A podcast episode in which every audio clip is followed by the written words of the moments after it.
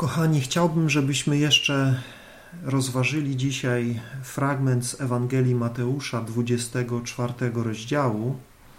Fragment, którym pięć lat temu się szczegółowo zajmowaliśmy. Nie całym fragmentem, ale właściwie dwoma kwestiami z tego fragmentu. Mówiliśmy wtedy o ohydzie spustoszenia, o której tutaj Pan Jezus mówi, i o wielkim ucisku, o którym też tutaj Pan Jezus mówi. Dla tych z Was, którzy nie słuchali, nie słyszeli tych wykładów, możecie wejść na naszą stronę i w zakładce kazania jest tam taki dział czasy ostateczne. I tam możecie znaleźć i odsłuchać y, te nagrania sprzed pięciu lat. Czytając Biblię, musimy zwracać uwagę na strukturę tekstu, który czytamy. Co mam na myśli? Mam na myśli to, że widzimy, iż e, Pismo Święte jest z jednej strony pewną całością i dane księgi też są pewną całością, ale w tej całości pisma mamy pewne sekcje poświęcone pewnym tematom. I gdy czytamy Pismo Święte, winniśmy poświęcić czas i uwagę na to, żeby zauważyć, gdzie jakiś temat się zaczyna i gdzie ten temat się kończy, i pojawia się y, coś nowego, pojawia się kolejny temat czytając list do Koryntian, widzieliśmy, jak tam apostoł Paweł przechodzi z jednego tematu y, do kolejnego tematu. I w ten sposób y, studiowaliśmy ten list. Podobnie w Ewangeliach. Ewangeliści opisują życie, służbę, śmierć y, Pana Jezusa w pewnych sekwencjach. Również jego nauczanie jest podzielone na pewne odcinki, jeśli tak mogę powiedzieć. Widzimy, że Pan Jezus przechodzi z jednego tematu do drugiego. I czasami w niektórych tłumaczeniach Biblii mamy nagłówki nad tekstem, które czasami pomagają, czasami niestety przeszkadzają, bo nie są w tym miejscu, w którym powinny być. Więc tutaj też na tym za bardzo nie możemy polegać. Sami czytając pismo, winniśmy śledzić to, gdzie dana myśl się rozpoczyna, gdzie się kończy, gdzie przechodzimy do kolejnej myśli. I jest to niezwykle ważne, szczególnie w takich kontrowersyjnych fragmentach jak ten, który jest jednym z najbardziej dyskutowanych fragmentów. I tutaj różni ludzie, różni bracia, siostry widzą różne rzeczy, i wtedy, kilka lat temu, przedstawiałem te różne możliwości interpretacyjne, różne próby zrozumienia e, tego i, i jak odczytywać ten, ten, ten fragment. Dzisiaj nie chcę się tym zajmować. Dzisiaj chciałbym raczej e, zwrócić Waszą uwagę na pewne elementy w tym fragmencie, które są myślę dla nas dzisiaj e, niezwykle ważne, jak też wierzę były ważne dla całego Kościoła na przestrzeni wieków. Przeczytam najpierw e, pierwszych 14 wierszy, które e, zawierają pierwszą część tego, o czym Pan Jezus mówi. Później przeczytamy kolejne wiersze, od 15 do 25, gdzie mamy kolejną część tej wypowiedzi i później od wiersza 26 do 31, gdzie mamy kolejną część, a następna pozostała część tego rozdziału i kolejny rozdział to jest praktyczne zastosowanie tej nauki, którą Pan Jezus tutaj w tych wierszach przedstawia. A więc tak naprawdę 24 i 25 rozdział Ewangelii Mateusza stanowią pewną całość, którą winniśmy rozważać w całości. niekoniecznie na jednym posiedzeniu, że tak powiem, ale tu jest pewna całość.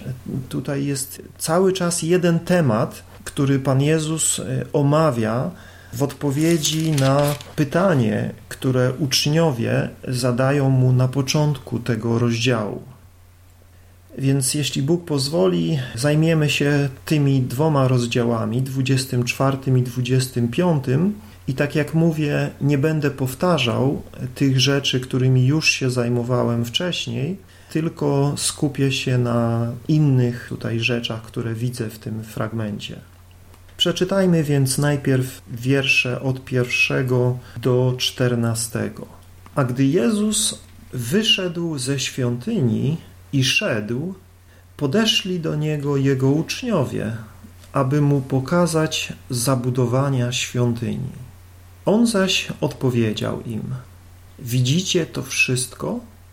Zapewniam was, na pewno nie zostanie tu zostawiony kamień na kamieniu, którego by nie zwalono.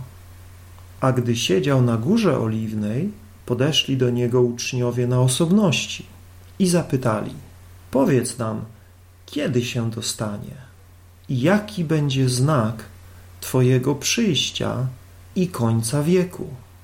A Jezus odpowiedział im: Uważajcie, aby was ktoś nie zwiódł gdyż wielu przyjdzie w moim imieniu, mówiąc: Ja jestem Chrystus, czyli pomazaniec, i wielu zwiodą.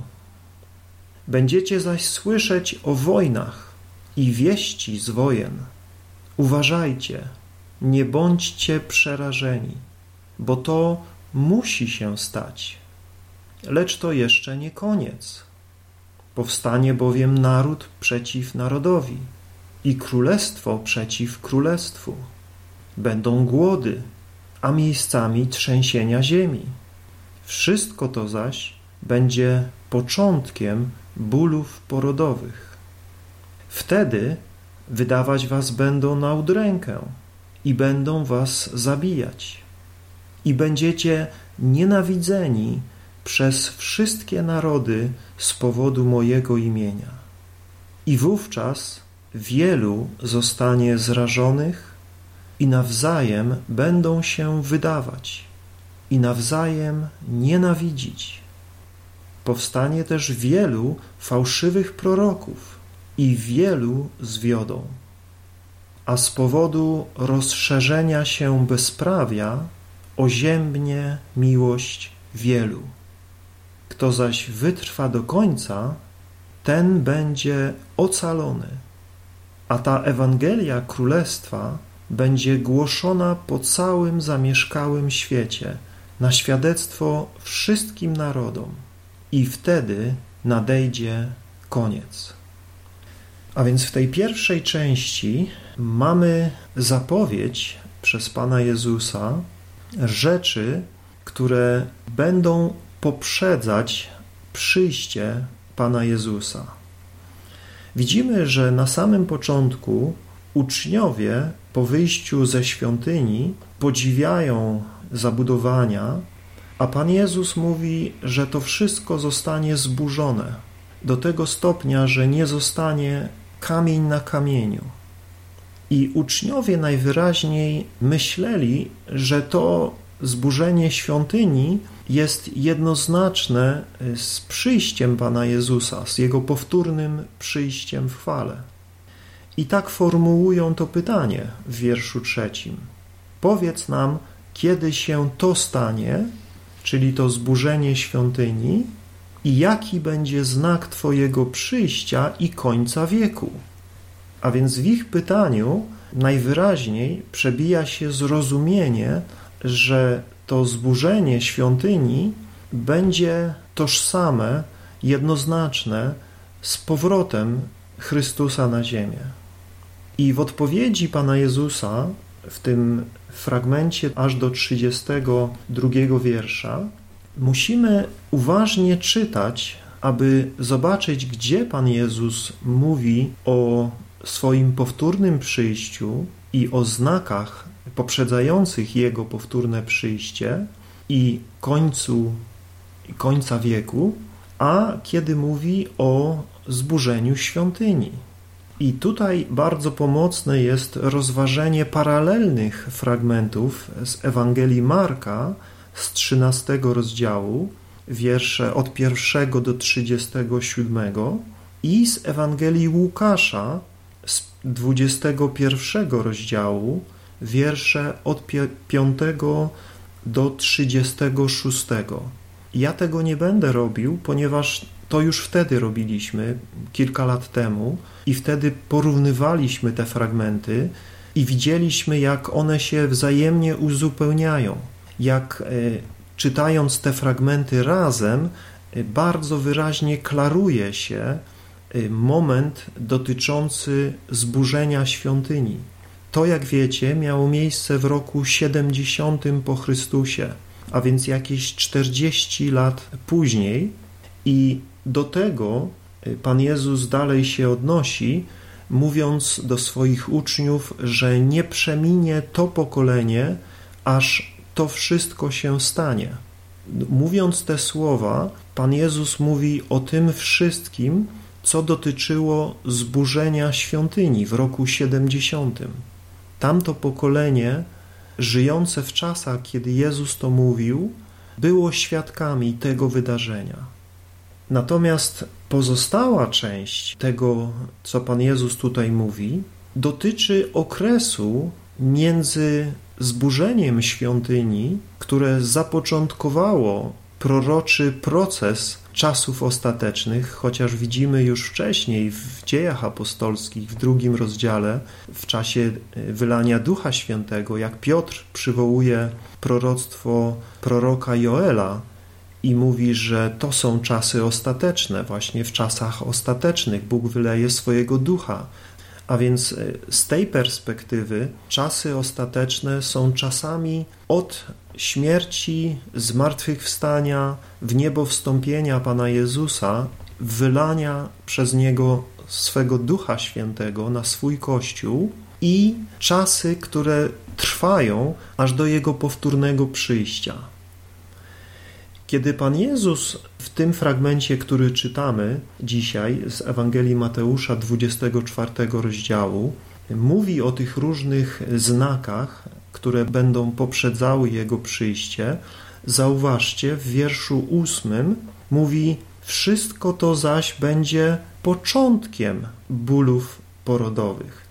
Wielu ludzi czyta te wiersze od czwartego do siódmego, czy też później dalej od dziewiątego do czternastego i mówią, że to wszystko jest jedno, że to wszystko są znaki powtórnego przyjścia Chrystusa. Niektórzy umieszczają cały ten fragment w tak zwanym wielkim ucisku, o którym czytamy w Księdze Objawienia, czyli w tych ostatnich siedmiu latach przed powrotem Chrystusa. Ja osobiście tak tego nie widzę. Raczej widzę tutaj okres czasu, który trwa przez e, wszystkie wieki. Od czasów, kiedy Pan Jezus zapowiadał to, od czasów Jego śmierci, zmartwychwstania, odejścia do nieba, te rzeczy możemy obserwować. Te rzeczy miały i mają miejsce. Zobaczmy, o czym tutaj Pan Jezus mówi. Zauważcie, że przez cały ten fragment kilkakrotnie powtarza się myśl, o której Pan Jezus zaczyna. I tą myśl powtarza kilkakrotnie i na niej też kończy później ten dłuższy wywód. A więc to mi pokazuje, że to jest główna sprawa, to jest główna myśl w tym fragmencie. To jest coś, co powinniśmy mieć ciągle na uwadze, czytając ten fragment i oczywiście żyjąc w doświadczeniu tych rzeczy, które Pan Jezus tutaj zapowiada. W wierszu czwartym Jezus mówi: Uważajcie, aby was ktoś nie zwiódł. To jest główna sprawa w tych zapowiedziach.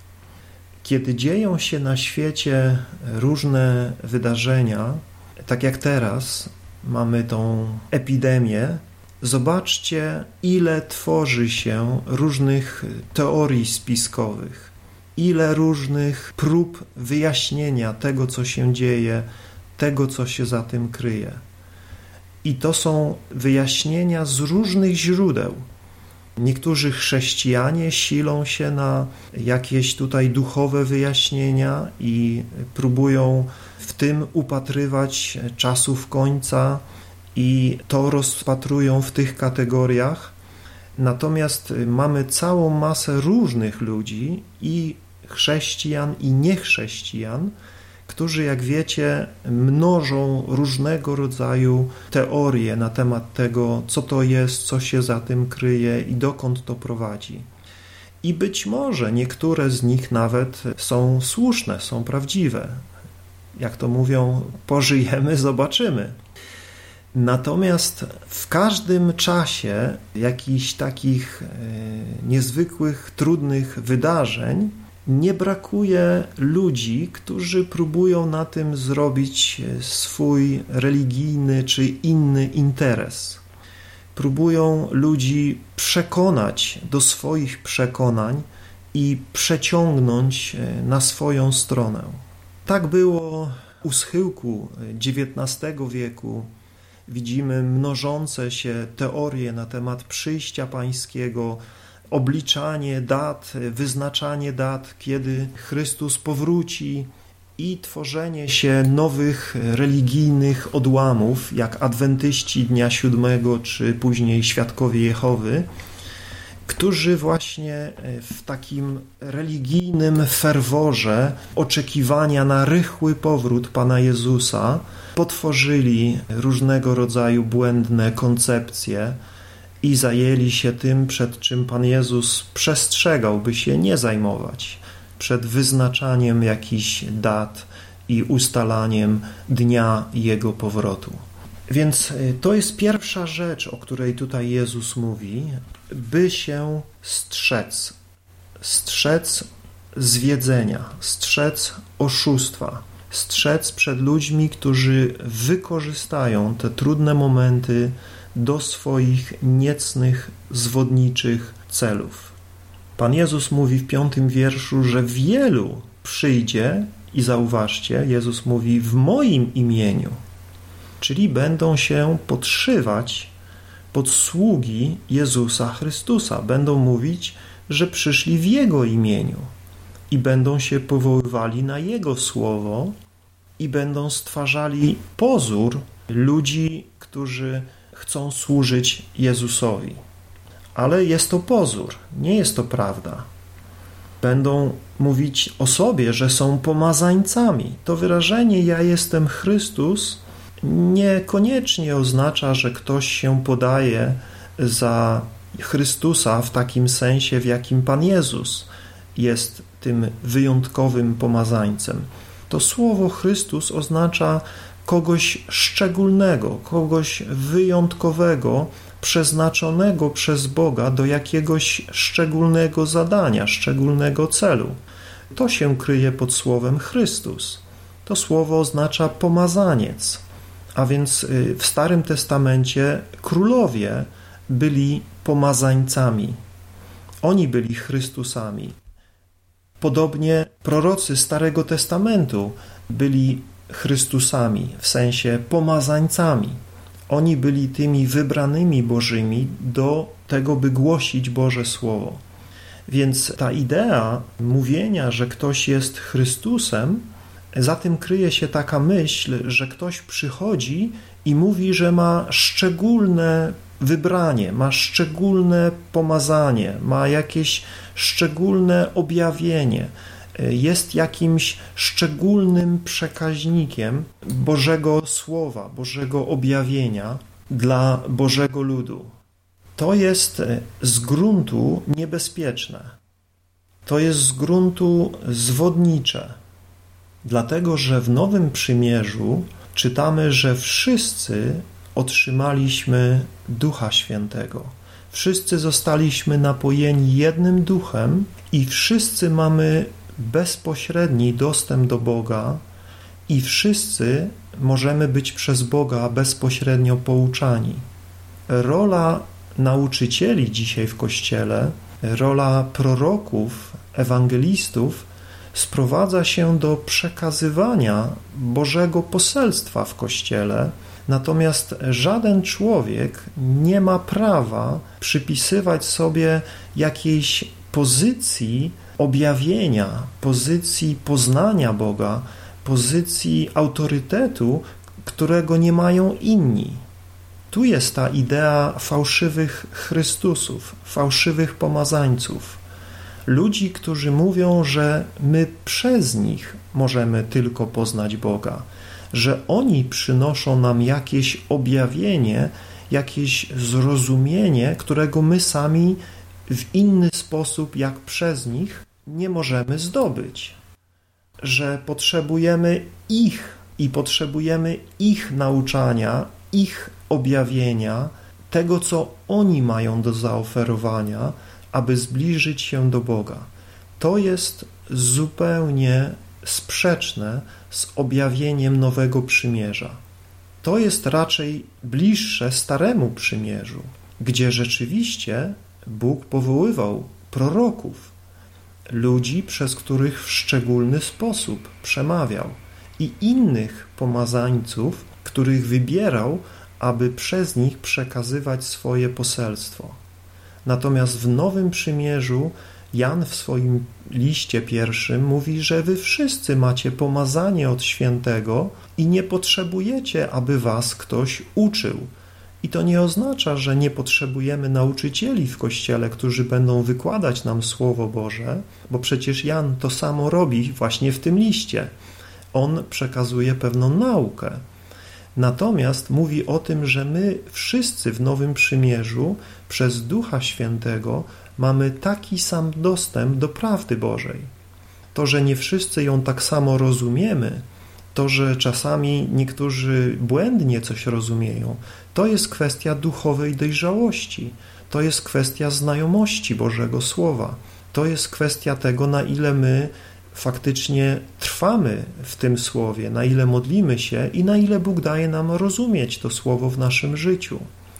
Natomiast tutaj mamy do czynienia z ludźmi, którzy uzurpują sobie pozycję pomazańców, która wynosi ich ponad tak zwany zwykły lud i czyni z nich jakieś szczególne źródło objawienia, bez którego ten lud nie jest w stanie poznać Boga. To są zwodziciele. I Jezus mówi, że wielu takich przyjdzie, zobaczcie, wiersz piąty, wielu przyjdzie w moim imieniu, mówiąc, ja jestem pomazańcem i wielu zwiodą. A więc to jest pierwsza ważna rzecz, którą tutaj musimy zauważyć. Wielu pomazańców i wielu zwiedzionych. Ludzie, którzy przyszli z takim rzekomo szczególnym objawieniem, było wielu, chociażby cała lista papieży, to są przedstawiciele takiego nurtu, oni rzekomo, kiedy przemawiają ex cathedra, przemawiają nieomylnie, czyli oni mają szczególne objawienie, oni mają szczególne zrozumienie, szczególne poznanie, którego nie ma zwykły rzymski katolik. On musi iść za tym objawieniem, które przekazują mu w tradycji kościelnej kolejni papieże. A więc tutaj mamy taki wielowiekowy ciąg fałszywych pomazańców. Ludzi, którzy twierdzili i twierdzą, że są szczególnym kanałem Bożego objawienia. I jak wiemy, wielu, bardzo wielu dało się przez nich zwieść i nadal daje się przez nich zwodzić. Ale oczywiście oni nie są jedyni. W historii Kościoła było wielu innych pomazańców, tak zwanych, ludzi, którzy sobie przypisywali taką szczególną rolę niesienia objawienia, które jest wyjątkowe. I tutaj mamy całą masę różnych sekt, które albo umarły na przestrzeni wieków, a niektóre z nich przetrwały i są do dzisiaj. To jest pierwsza rzecz, o której tutaj Pan Jezus mówi, przed którą przestrzega. Druga rzecz, wiersz szósty. Będziecie zaś słyszeć o wojnach i wieści z wojen. I to nie jest nic nowego. To nie to, że dopiero teraz, w naszych czasach są jakieś wojny i słyszymy opowiadania z wojen. Wiemy, że i w tamtych czasach toczyły się wojny. Cesarstwo rzymskie podbijało ludy, toczyło z nimi krwawe wojny. I cała historia tak naprawdę jest pełna krwawych konfliktów, wojen, zamieszek między narodami. Więc te rzeczy widzimy nie są domeną czasów ostatecznych w takim sensie ostatnich siedmiu lat przed przyjściem Chrystusa na ziemię, ale są czymś, co działo się na przestrzeni wszystkich wieków. I Jezus mówi do swoich uczniów: Uważajcie, nie bądźcie przerażeni, bo to musi się stać, lecz to jeszcze nie koniec. A więc, gdy wybuchają wojny, gdy wybuchają konflikty między narodami, to nie jest od razu sygnał końca tego wieku, to nie jest od razu sygnał powrotu Chrystusa. Oczywiście, jak to gdzieś dzieje się daleko, to nam jest łatwo myśleć, że no, jest źle, to gdzieś tam się dzieje, ale my tutaj sobie żyjemy spokojnie, nie odczuwamy tego, nas to nie dotyczy, więc wtedy też nie rodzą się takie spekulacje, czy to już Pan Jezus przychodzi. Natomiast gdy konflikt zbliża się do naszych drzwi, gdy te wieści wojenne zaczynają być coraz bliższe, no to wtedy temperatura się podnosi i wtedy zaczynają mnożyć się spekulacje. I Pan Jezus mówi swoim uczniom, żeby nie dali się przerazić tym rzeczom i żeby wiedzieli, że to jeszcze nie jest koniec, że te rzeczy nie zapowiadają końca. One po prostu muszą się dziać. One muszą się stać ze względu na to, gdzie są ludzie, jacy są ludzie. To jest też Boży sposób przemawiania do ludzi, Boży sposób wstrząsania ludzkością pokazywania ludziom, jak grzeszni są, jak niesprawiedliwi są, jak pazerni są. Jest to straszny sposób Bożego przemawiania, ale wiemy, że ludzie potrzebują tego. To nie jest tak, że Bóg za tym stoi Bóg to inspiruje. Bóg na to pozwala. Bóg do tego dopuszcza. To jest w człowieku. To morderstwa, pazerność, wykorzystywanie innych ludzi dla własnych celów, to nie jest z Bożego serca, to jest z podłego ludzkiego serca. Więc te rzeczy nie są zamysłem Bożym w takim sensie, żeby Bóg za nimi stał i Bóg je inspirował, one raczej są wynikiem ludzkiego upadłego stanu i Bóg do tego dopuszcza, Bóg na to pozwala. I Pan Jezus mówi: Nie dajcie się też wprowadzić w błąd, że kiedy to zobaczycie, kiedy to się będzie działo, że to już jest koniec. Nie, mówi: To jeszcze nie koniec. W wierszu siódmym dalej mówi: Powstanie naród przeciwko narodowi, królestwo przeciwko królestwu, będą głody, a miejscami trzęsienia ziemi. A więc znowu te rzeczy działy się na przestrzeni wieków. Czytamy już w dziejach apostolskich o głodzie, który dotknął Judeę, a więc y, głody, trzęsienia ziemi bardzo częste w, w Azji Mniejszej w I wieku. Wszystkie właściwie te miasta, o których czytamy w Księdze Objawienia w drugim i trzecim rozdziale, zostało dotkniętych y, bardzo boleśnie trzęsieniami ziemi, które tam miały miejsce. One właściwie wszystkie legły w gruzach. I trzęsienia ziemi były powszechne i w tamtych czasach. I oczywiście na przestrzeni wieków było wiele trzęsień ziemi i dzisiaj również słyszymy i co jakiś czas y, czytamy czy oglądamy o strasznych zniszczeniach, jakie są wynikiem trzęsień ziemi. I tutaj Pan Jezus mówi, wszystko to będzie początkiem bólów porodowych. I to wyrażenie jest powodem, dla którego sądzimy, że te rzeczy będą się nasilać.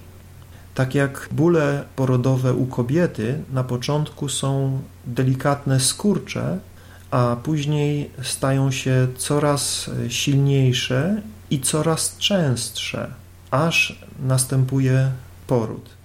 Więc y, w analogiczny sposób, jako że Pan Jezus tutaj używa takiego wyrażenia, możemy sądzić, że im dalej, tym więcej będzie tych rzeczy, tym bardziej intensywne będą te rzeczy i tym częstsze będą. Więc to jest pewien sygnał, kiedy widzimy nasilanie się tych rzeczy. Swego czasu zrobiłem tak, takie zestawienie rejestrowanych trzęsień ziemi na przestrzeni tam ostatnich kilkudziesięciu lat i rzeczywiście z tego zestawienia, które wtedy robiłem, ewidentnie było widać nasilanie się tych zjawisk na Ziemi. Więc jest to jeden z sygnałów wypełniania się tych słów. Wiersz dziewiąty. Wtedy wydawać was będą na udrękę. I tutaj ważne jest to słowo wtedy. Możemy je dwojako rozumieć.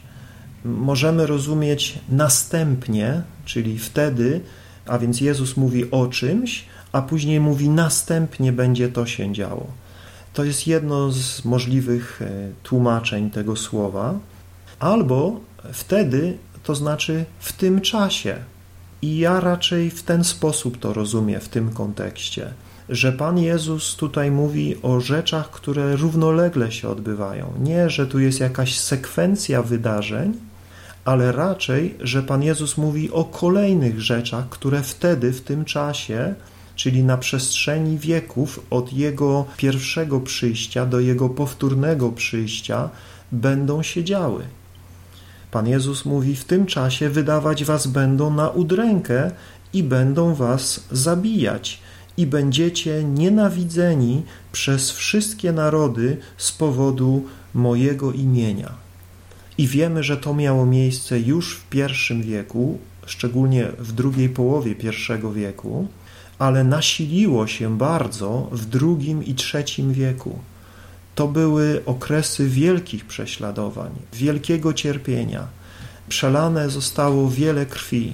Chrześcijanie byli brutalnie ścigani, mordowani, znęcano się nad nimi, rzucano ich na areny pośród dzikich zwierząt.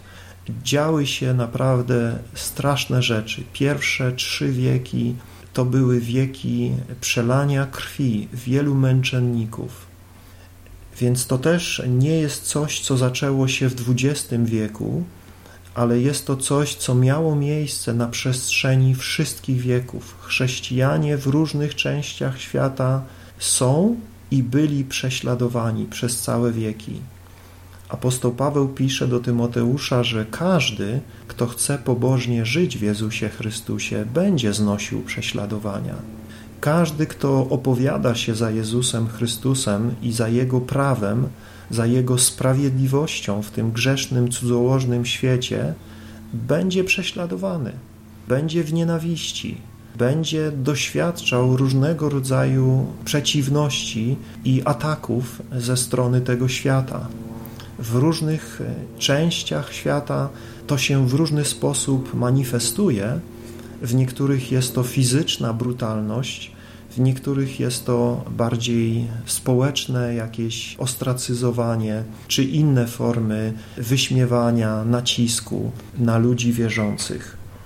Tutaj Jezus mówi o udręce, o zabijaniu, o byciu znienawidzonymi i wiemy, że te rzeczy również dzisiaj mają miejsce i jak donoszą te różne agencje zajmujące się prześladowaniem chrześcijan, te rzeczy też się nasilają widzimy eskalację prześladowań chrześcijan w wielu krajach w obecnych czasach. A więc tutaj też widzimy ten aspekt bólów porodowych, że te rzeczy stają się coraz bardziej intensywne, jest ich coraz więcej, coraz bardziej brutalne i coraz na większą skalę. Pan Jezus mówi, że z powodu tych prześladowań wielu się zrazi, wielu się zgorszy. Wielu odpadnie od wiary.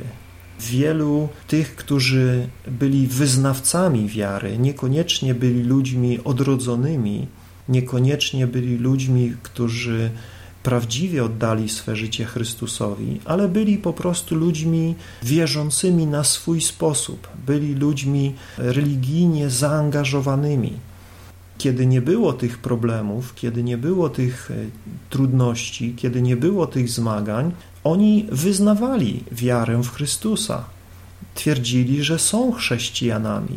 Przychodzili na chrześcijańskie zgromadzenia, brali udział w życiu Kościoła ale gdy przyszły uciski, prześladowania, problemy, no to się zrazili, bo spodziewali się, że życie chrześcijańskie to dobrobyt na tej ziemi, to powodzenie na tej ziemi, to zdrowie, to wszelkie Boże tutaj zaopatrzenie w to, co dobre i to, czego człowiek pragnie. Ale wiemy, że tak nie jest, że tutaj na ziemi doświadczamy Bożej łaski, doświadczamy Bożej pomocy, doświadczamy Bożej ochrony, ale niejednokrotnie musimy przechodzić przez bardzo bolesne rzeczy. Niejednokrotnie musimy być poddani różnym bolesnym doświadczeniom i próbom. I również w tym aspekcie prześladowań Bóg czasami chroni, tak jak ochronił Piotra i wyprowadził go z więzienia, ale czasami dopuszcza, że wierzący ludzie bardzo cierpią. Są boleśnie pobici, czasami okaleczeni, czasami zabici, czasami tracą swoich bliskich, kobiety są gwałcone. No dzieją się przeróżne, straszne rzeczy. Również dotyka to ludzi wierzących. Więc Pan Jezus nie daje gwarancji Bożego zabezpieczenia wierzących ludzi przed bólami, cierpieniami i zmaganiami, jakie są związane z takim normalnym, codziennym, doczesnym funkcjonowaniem wszystkich ludzi. Dodatkowo mówi natomiast, że będziemy jeszcze znosić różnego rodzaju przeciwności i problemy ze względu na Niego, ze względu na Jego imię. I wielu się tym zrazi wielu się tym zniechęci, wielu odwróci się i co gorsza, jak dalej czytamy, będą nienawidzić, a więc nie tylko odstąpią od wiary, ale jeszcze staną się wrogami innych wierzących. Będą nienawidzić innych wierzących. Wielu z nich prawdopodobnie właśnie czując się oszukanymi, czując się rozczarowanymi, czując się zawiedzionymi, że to nie było tak, jak oni się spodziewali, więc w odwecie, w jakimś poczuciu właśnie krzywdy, będą w ten sposób atakować i nienawidzieć. I znowu mamy mnóstwo tego typu przykładów na przestrzeni wieków. To nie jest nic nowego, to są rzeczy, które działy się i dzieją się. Niestety przez wiele, wiele wieków możemy to obserwować. Wiersz jedenasty. Powstanie też wielu fałszywych proroków i wielu zwiodą.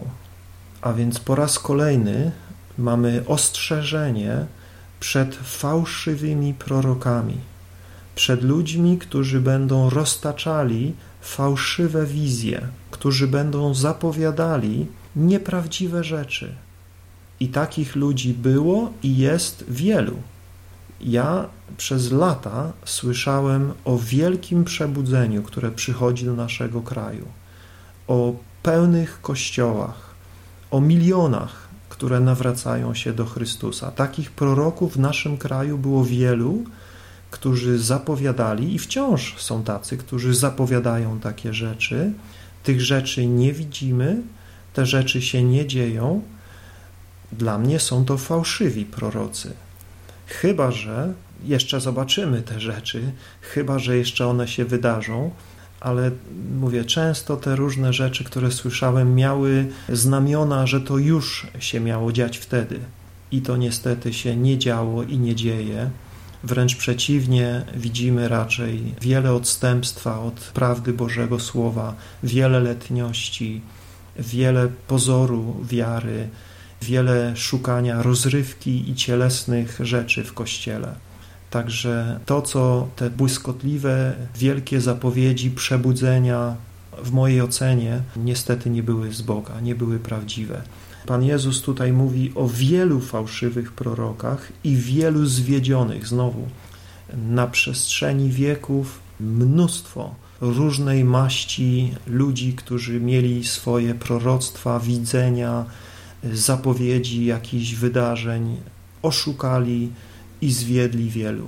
I to powinno być dla nas, bracia i siostry, naprawdę wielkim ostrzeżeniem, abyśmy badali to, co ludzie mówią, twierdząc, że mówią to z natchnienia Bożego. Pismo mówi, byśmy nie lekceważyli proroctw, ale żebyśmy je badali, żebyśmy je rozsądzali. Jeżeli ktoś twierdzi, że coś ma się wydarzyć, a to się nie dzieje, to ewidentnie jest to fałszywy prorok. Na początku marca było kilku takich znanych światowych kaznodziejów, którzy zapowiedzieli konkretne daty, kiedy ten wirus e, przestanie infekować ludzi. Zapowiedzieli koniec epidemii, jeden na 27 marca, drugi na 29 marca. Jak widzimy, miesiąc później nadal e, sytuacja się nie zmieniła i ich zapowiedzi były kłamliwe, były fałszywe. I to nam powinno dać do myślenia. To powinno nas naprawdę, bracia, siostry, zmusić do refleksji, żebyśmy nie byli łatwowierni, żebyśmy nie dawali się oszukiwać ludziom, którzy z wielkim przekonaniem, z wielką pasją, z wielkimi emocjami zapowiadają jakieś rzeczy, rzekomo z natchnienia Ducha Świętego. Zauważcie, w tym fragmencie jesteśmy wzywani do pewnego rodzaju sceptycyzmu, do wielkiej ostrożności, do trzymania się na baczności, a nie do łatwowierności. Wielu, zwróćcie uwagę na te słowa, powstanie wielu fałszywych proroków, wielu zwiodą, a z powodu rozszerzenia się bezprawia oziębnie miłość wielu. Czyli widzicie, ile razy tutaj to słowo wielu się pojawia. To nie jest y, coś, co dotyka tylko jakiegoś niewielkiego procenta ludzi. Kiedy słyszymy tych fałszywych proroków, kiedy widzimy tłumy ludzi idących w ślepo za fałszywymi proroctwami, widzeniami, objawieniami fatimskimi czy innymi, to jest zniechęcające to jest zniechęcające, kiedy patrzymy na to w świecie rzymskokatolickim, w świecie pogańskim, ale też o ileż bardziej jest to zniechęcające, kiedy widzimy to wśród tak zwanych ewangelicznych chrześcijan.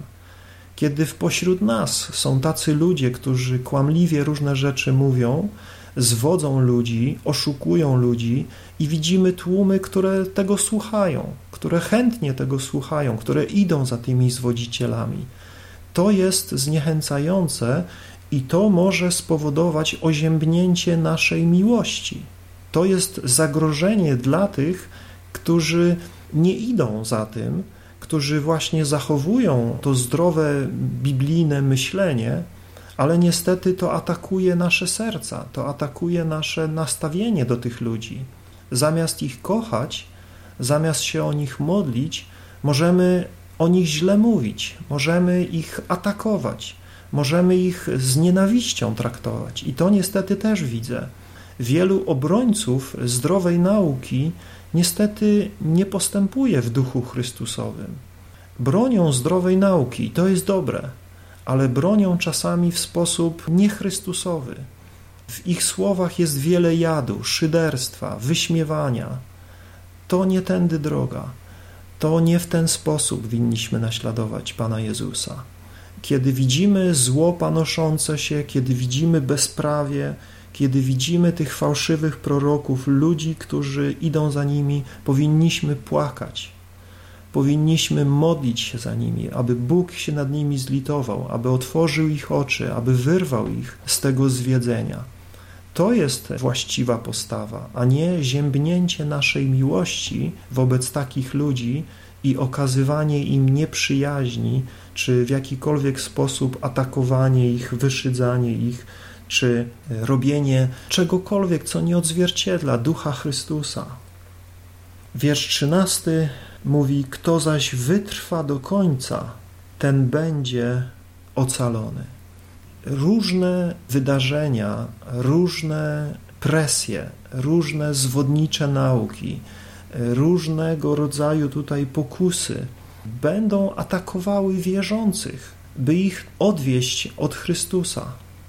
I niezwykle ważne jest, byśmy zachowali wiarę, zachowali miłość, zachowali wytrwałość, żeby w pośród tych różnych ataków, w pośród tych różnych zwodniczych nauk i ludzi przewrotnych, żebyśmy nie ulegli takiej czy innej diabelskiej zasadce, ale byśmy trwali wiernie przy Chrystusie, tak jak nas dzisiaj tutaj brat Jerzy zachęcał, patrzyli na Jezusa, trwali w Jezusie, trzymali się Jego nauki i modlili się, by nasze serca były według Jego serca, abyśmy w Nim wytrwali do końca, bo On jest naszym zbawieniem. Więc jeśli w Nim trwamy, jeśli Jego się trzymamy, jeśli On mieszka w nas, to i my będziemy uratowani, będziemy ocaleni. I na koniec tego fragmentu Dobra Nowina czytamy, że ta Ewangelia Królestwa będzie głoszona po całym zamieszkałym świecie na świadectwo wszystkim narodom. Tak jak już za czasów apostolskich ta Ewangelia rozeszła się do pogan, rozeszła się na cały ówczesny, cywilizowany świat. Już wtedy, w pierwszym wieku, czytamy, że apostołowie przewrócili świat do góry nogami. Takie świadectwo dawali im pogańscy władcy. Oni głosili Chrystusa wszędzie tam, gdzie Bóg ich posyłał, wszędzie tam, gdzie mogli dotrzeć. I na przestrzeni wieków ta Ewangelia o Królestwie była i jest głoszona na świadectwo wszystkim narodom. Dzisiaj wiemy, misjonarze na różnych frontach niosą Ewangelię. Nadal jest masa ludzi, która nie słyszała o Chrystusie.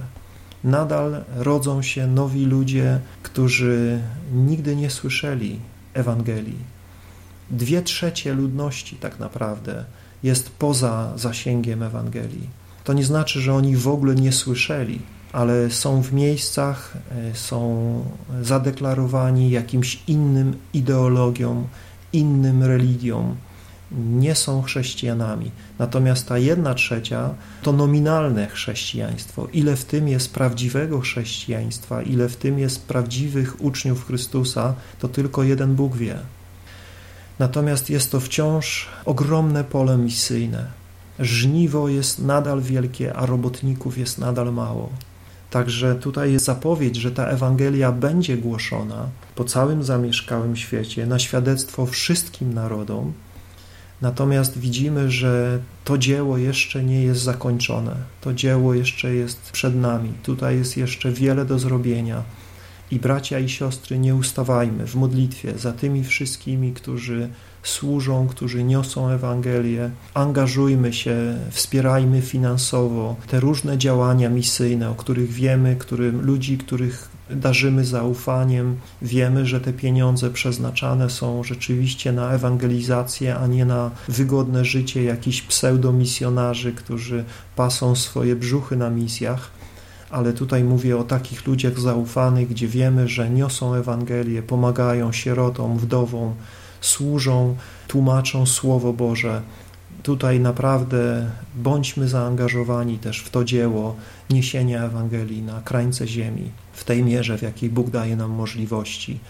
A też nie ustawajmy modlić się, wołać do Boga, żeby Bóg błogosławił zwiastowanie Jego słowa i docieranie z nim do potrzebujących. I Pan Jezus mówi tutaj, i wtedy nadejdzie koniec. Czyli widzimy, tutaj mamy pewien zamknięty cykl. Jezus zaczyna odpowiadać na to pytanie uczniów. Powiedz nam, kiedy to się stanie, jaki będzie znak Twojego przyjścia i końca wieku. Jezus tutaj daje im tą odpowiedź i zauważcie, w wierszu 14 kończy ją słowami i wtedy nadejdzie koniec. A więc tutaj mamy pewien pierwszą, że tak powiem, odsłonę tej odpowiedzi na to ich pytanie. Pytanie dotyczące końca. Tutaj Jezus mówi, wtedy nadejdzie koniec. A więc tutaj jest odpowiedź na to pytanie, jaki będzie znak Twego przyjścia i końca wieku. I Jezus tutaj widzimy, daje im różne znaki, mówiąc: To jeszcze nie koniec, to jeszcze nie koniec, to jeszcze nie koniec. ale mówi, to będzie się działo, to będzie się działo. I mówi, kiedy to wszystko się wydarzy i kiedy Ewangelia będzie głoszona już na całym świecie, wtedy nadejdzie koniec. Natomiast od wiersza 15 rozpoczyna się kolejna myśl.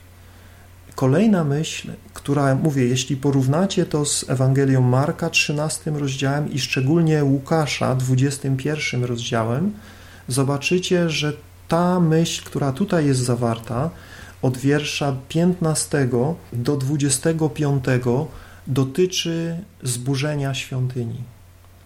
To, co Jezus zapowiedział, kamień na kamieniu nie zostanie, wszystko będzie zburzone.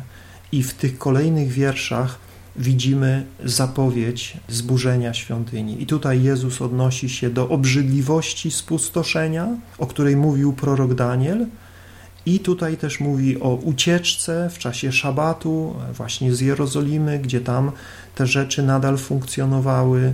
Tutaj mówi o strasznych dniach, które będą towarzyszyły temu wydarzeniu. I o tym mówiłem więcej pięć lat temu w tamtych wcześniejszych wykładach, więc tego nie będę omawiał.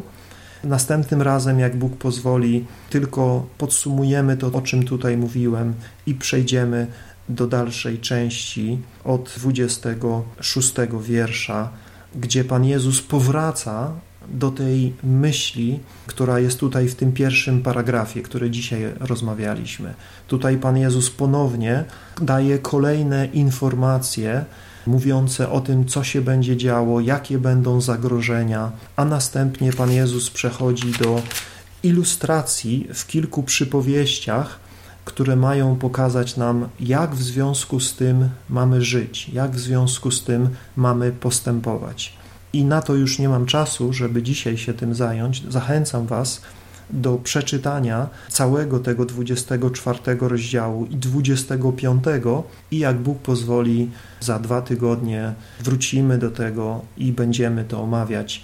Gdybyście mieli jakieś tutaj pytania, sugestie, uwagi, chcielibyście o czymś podyskutować, co już zostało omówione, jak najbardziej możemy na to poświęcić czas Pochylmy teraz proszę nasze głowy i pomódlmy się i będziemy za chwilkę też wspominać śmierć Pańską. Kochany Ojcze, dziękujemy za Twoje słowo, które dałeś nam, abyśmy wiedzieli, jaka jest droga, którą chcesz, abyśmy szli. Boże nasz, w tych czasach, w których przyszło nam żyć, też nie brakuje zwodzicieli, nie brakuje tych pomazańców samozwańczych, którzy rzekomo mają jakieś wyjątkowe zrozumienie, objawienie.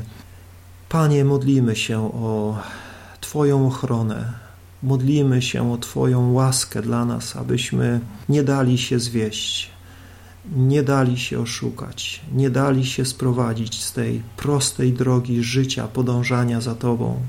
Pomóż nam trwać w Twoim słowie, trwać w modlitwie, trwać e, w bliskiej społeczności z Tobą.